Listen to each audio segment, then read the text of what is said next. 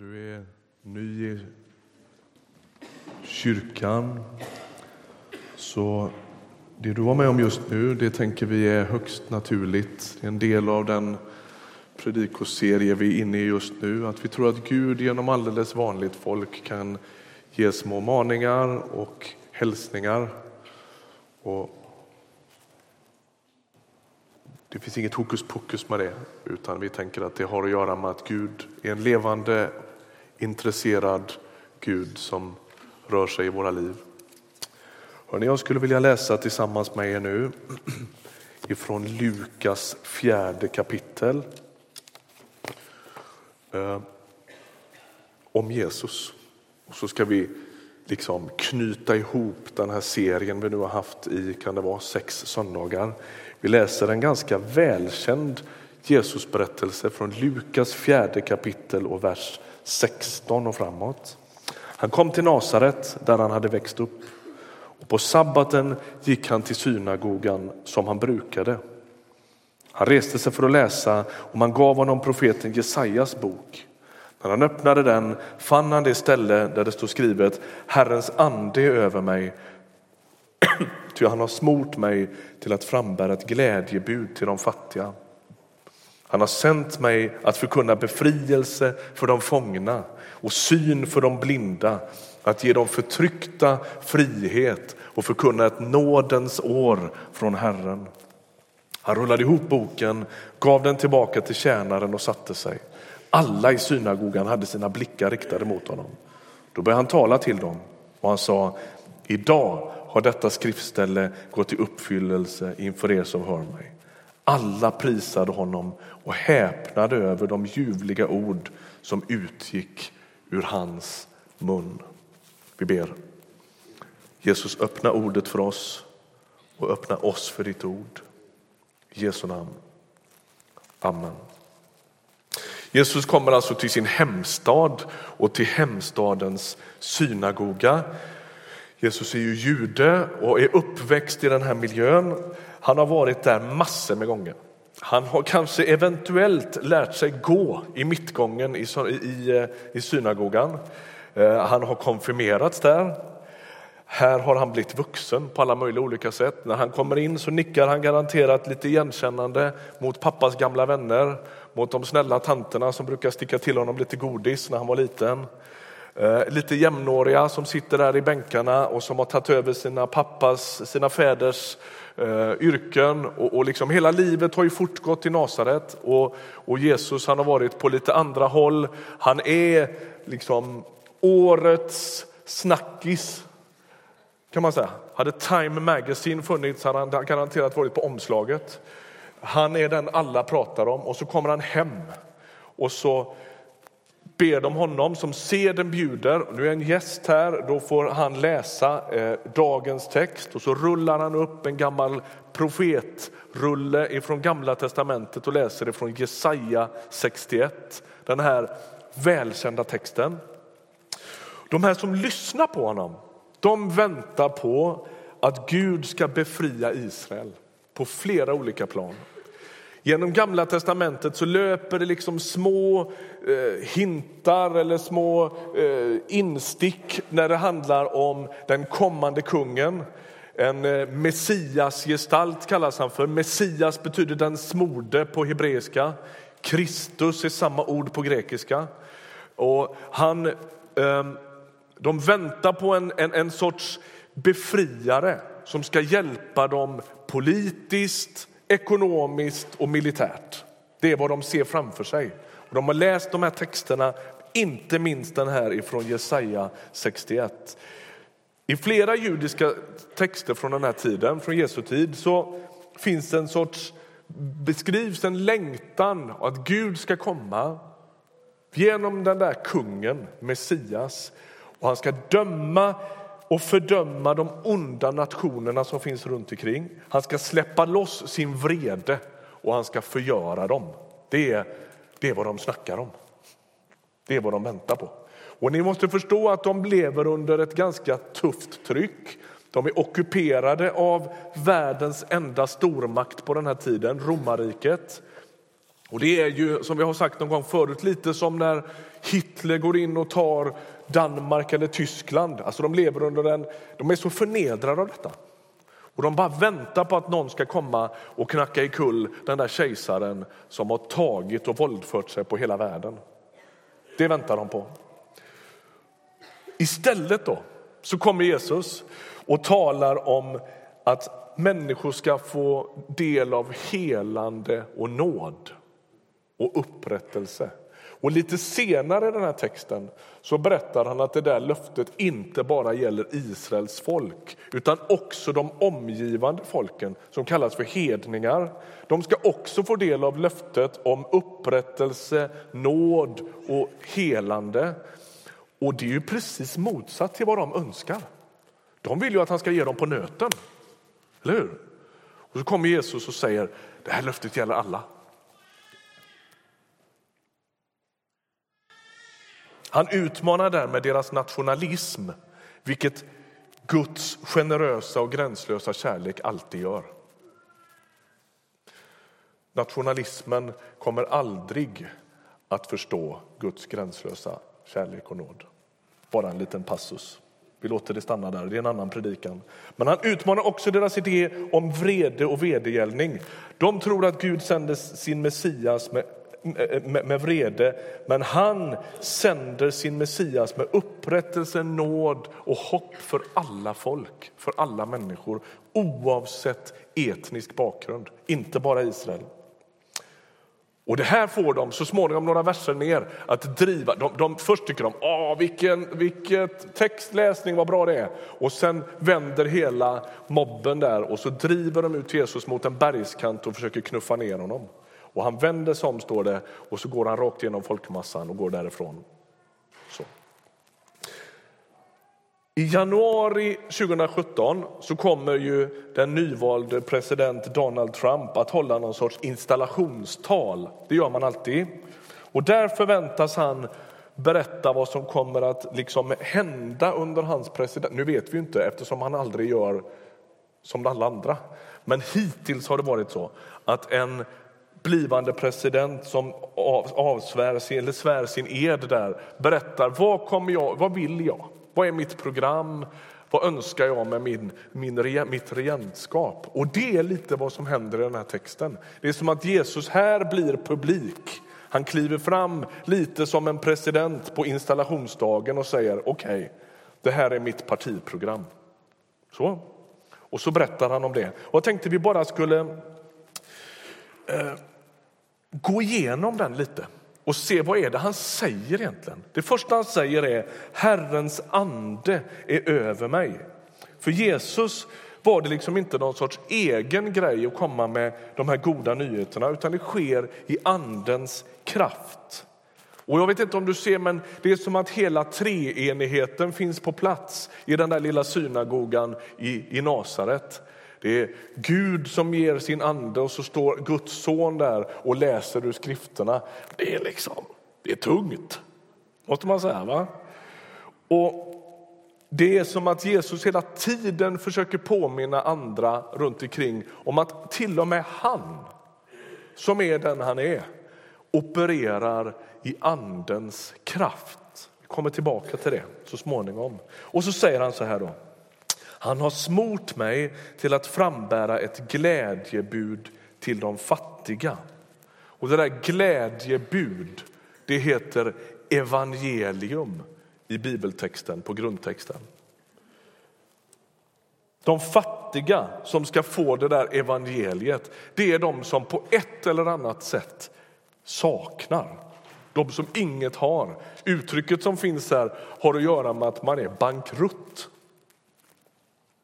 Ordet betyder tiggare eller den som hukar och kryper ihop under sin fattigdom.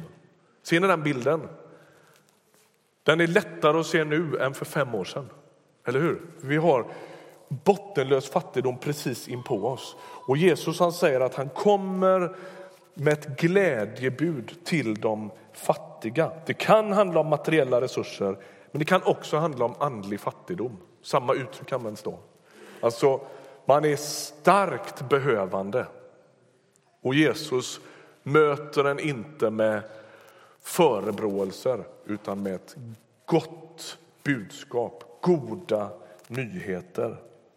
Det är mycket på grund av den versen som vi i en kyrka driver ett härberge. Vi tror att Jesus skulle gjort det också. Sen säger han, han har sänt mig att förkunna befrielse för de fångna. Och fångna i det här uttrycket, det betyder att man är krigsfånge. Det är det ord som används. Eller spjutfånge står det egentligen i grekiskan. Och vad är det som händer när någon blir en krigsfånge? Jo, fienden har vunnit någon sorts mark, intagit vår skyttegrav eller vårt läger. Och så sitter vi fångna hos en sorts främmande makt. Är ni med? Det här är lite svårt för oss som inte har varit i krig på länge, eh, vilket ju är bra, det fattar ni. Men, men när, när fienden kommer och tar krigsfångar och man finns i fiendens läger så tänker jag mig att man hoppas att de där hemma inte har glömt den utan att de sänder någon och hämtar den. Är ni med på den bilden? Och det är vad Jesus säger här. Jag har kommit för att ta hem krigsfångarna. Befrielse för de fångna.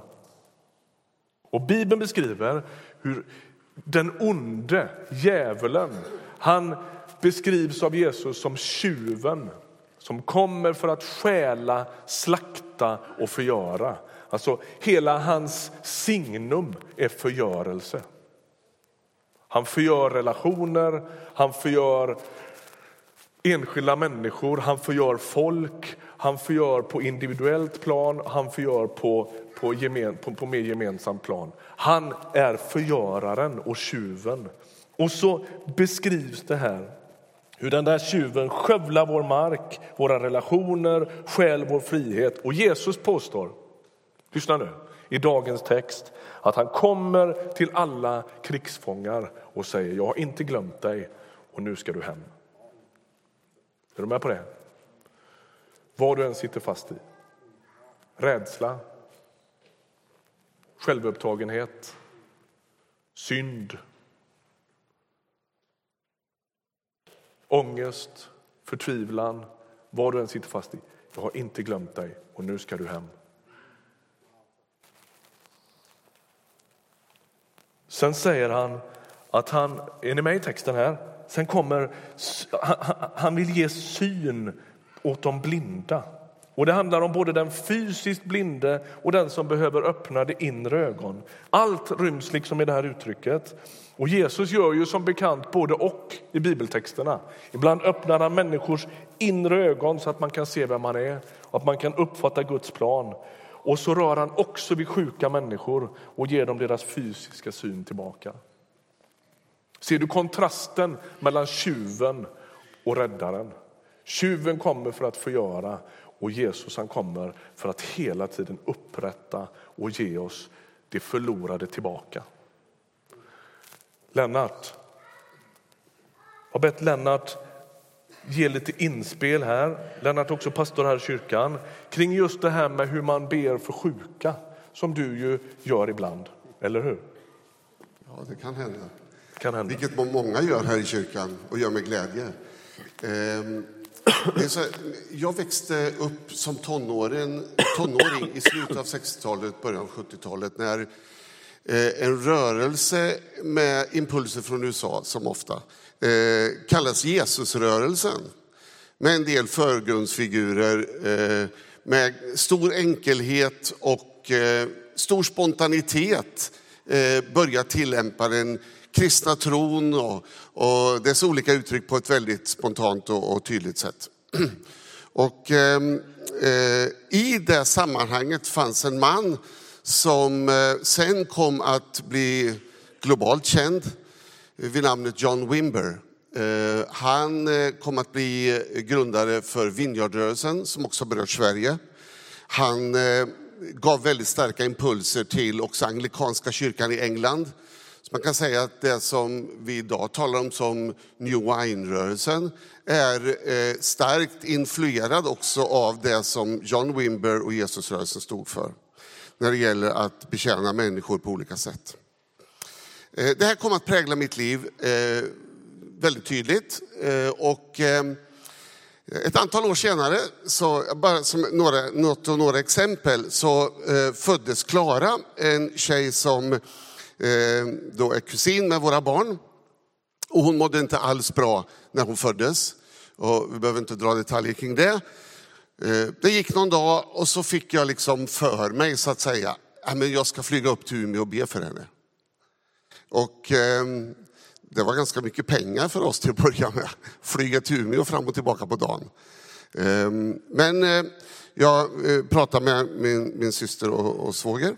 Och ehm, eh, min svåger, eh, dåvarande svåger, han, han har en annan kyrklig tradition kan man säga bakom sig. Vilket gjorde att han kanske hade lite större försiktighet än vad jag själv har i den här frågan.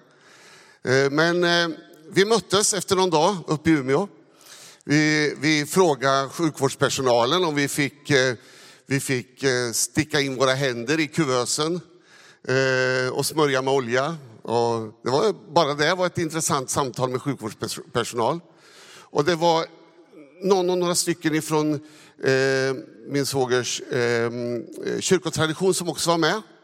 Och, och, det var väldigt vackert. Så de hämtade flickan eh, till det sjukrum där, där vi var. Och ehm, eh, vännerna från den här andra kyrkliga traditionen läste sina fromma böner. Och jag bad på mitt sätt. Och vi stack in våra händer lite darrigt och smorde den lilla bebisen med olja. Eh, och så bad vi tillsammans på det sättet. Och så tog man tillbaka eh, flickan till eh, barnavdelningen. Och jag skulle flyga tillbaka efter några timmar. Och efter bara en timme tror jag det var, så kom personal och meddelade att nu hade eh, alla värden förändrats, hela situationen förändrats och från den dagen har det här barnet inte haft några känningar av någonting som handlar om det som hon hade med sig när hon föddes. Så tror jag att Gud griper in också idag. Men vi kan också vara med om att eh, Gud griper in på annat sätt. Och jag tänkte ta ett exempel eh, utifrån en person som många av oss känner till här och det är Björn, Björn Renberg. Eh, Björn kom till tro när några av hans kompisar bad för honom efter att han hade varit med om en ganska svår bilolycka. Och han var hopskruvad i benen, foten, ryggen. Eh, och kompisarna bad för honom och om jag minns rätt nu så fick bland annat Uffe Meijer vara med och be med eh, Björn eh, så att han kom till tro på Jesus Kristus när han var på sjukhuset. Och första gången han kom till vår kyrka då, så kom han med dubbla kryckor. Eh, och eh, vi fortsatte att be för Björn. Eh, jag har lärt känna Björn ganska mycket eftersom han har bott i vårt hem och varit storebror hos oss under något år. Och det kan vi ta som stories en annan gång. Men, eh, men vi fortsatte att be. Han hade varit under läkarvård och vi fortsatte att be. Och successivt så kom Björn att få styrka i sin kropp. Jag vet när han var eh, pionjärmissionär i Varanasi i norra Indien så var det en skruv eller ett spik som höll på att krypa ut ur kroppen på honom så han var tvungen att åka till Sverige och pappa fick, hans pappa var läkare, fick ta bort den där attiraljen i kroppen. Så så kan det också gå till att Läkarvården är med, vi är med och ber och Gud hjälper och helar. Och från den stunden och framåt så har Herren hjälpt honom så att han har tillsammans med Cindy och sina barn som också finns här i Sverige och för vår församling nu, eh, kunnat tjäna Herren på olika sätt i olika delar av världen. Det är också väldigt vackert och tjusigt. Eh, I onsdags så var förebedjare samlade eh, som brukar tjäna här i vår gudstjänst. Och vi uppmuntrar varandra utifrån trons bön. Och vi sa till varandra ungefär så här. Tron är det lilla senapskornet. Vi börjar där vi är. Vi börjar med det lilla vi har. Och så ber vi utifrån det. Och så ser vi hur det växer. Så sker det något lite mer. Och så berättar vi det för varandra. Och så väcks tron i våra liv på ett sådant sätt att vi kan tjäna honom tillsammans. Jag vill verkligen uppmuntra dig att be där du är. Be utifrån den situation du har. Okay?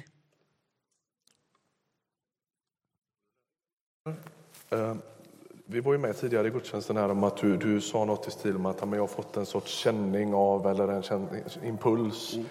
Du berättar lite samma om eh, eh, när ni ber för lilla Klara att jag fick för mig, säger du. Hur funkar det där liksom? Det låter ju lite spooky.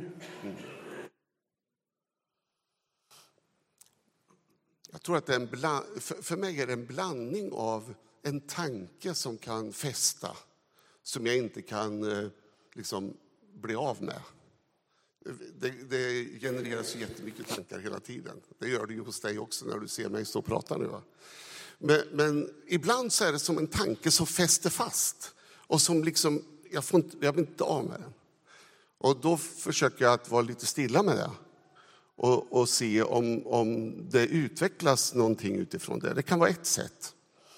Ett annat sätt kan vara vi har ju ett seende med våra fysiska ögon och man har någon form av inre bildseende. Man kan se en situation, någonting som beskrivs i, i ens inre seende. Och det kan också vara ett tilltal.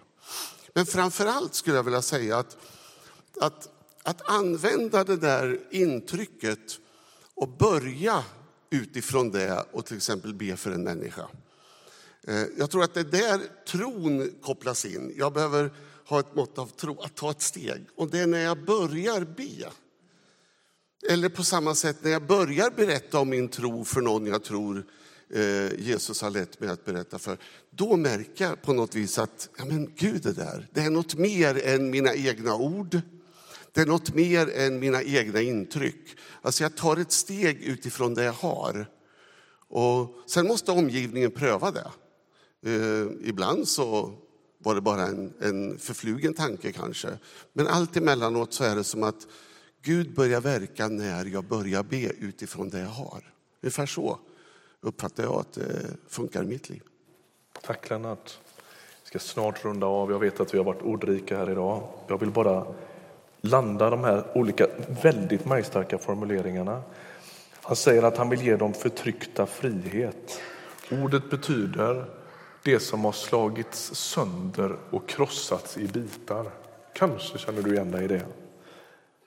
Att släppa någon fri som har suttit fast eller att ge frihet åt den som blivit sårad och slagen. Och Det sista han säger är att förkunna ett nådens år från Herren. Och ett nådens år från Herren i Gamla testamentet kallades för friåret. Det skulle inträffa var femtionde år. Då skulle alla slavar friges. Då står det att var och en skulle få tillbaka sin egendom om det var så att man var skuldsatt. Och så skulle man komma tillbaks till sin släkt. Alltså man har blivit slav för att man är så svårt skuldsatt. Det var helt enkelt året då skulderna reglerades. Hade man hamnat på obestånd fick man tillbaka sin mark eller sina ägodelar och skulden efterskänktes. Det lär vara så att man aldrig tillämpade detta. Det var för radikalt. Men när Jesus kommer så plockar han upp det och så säger han du ska upprättas till din yttre människa, till din inre människa och i mötet med Jesus kan du få ett helt rent blad att leva efter. Skulden efterskänks. Allt ges dig tillbaks.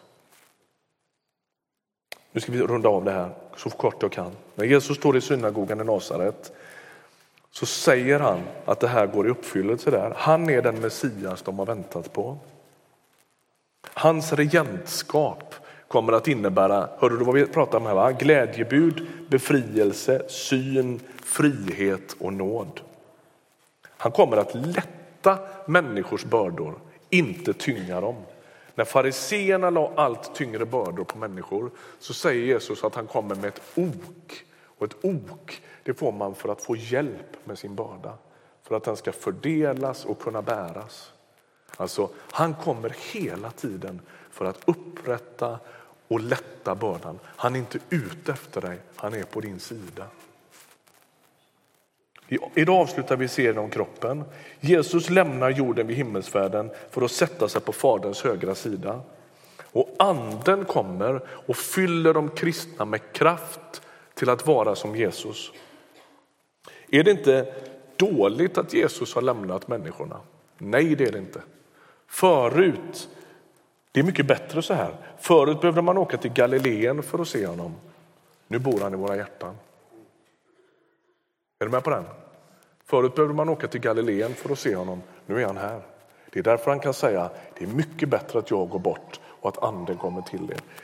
Poängen idag, det finns massvis med tröst för dig och mig i att anden har kommit och bor i våra hjärtan och du kan höra Gud tala. Han påminner oss om att vi är Guds barn. Men för världen runt omkring så är det stora hoppet att församlingen blir den ständiga påminnelsen om att Gud älskar, att han kommer med glädjebud, befrielse, syn, frihet och nåd. Så avslutningsvis i hela den här serien, vad betyder det att vara hans kropp? Jo, det är att i andens kraft göra det som står i dagens text. Han kallar oss att lätta människors bördor, att be för den som är sjuk, att öppna människors ögon, att benåda människor, att sätta folk fria. Att påminna människor som är krigsfångar om att Gud har inte glömt dig och nu är han här för att hämta hem dig.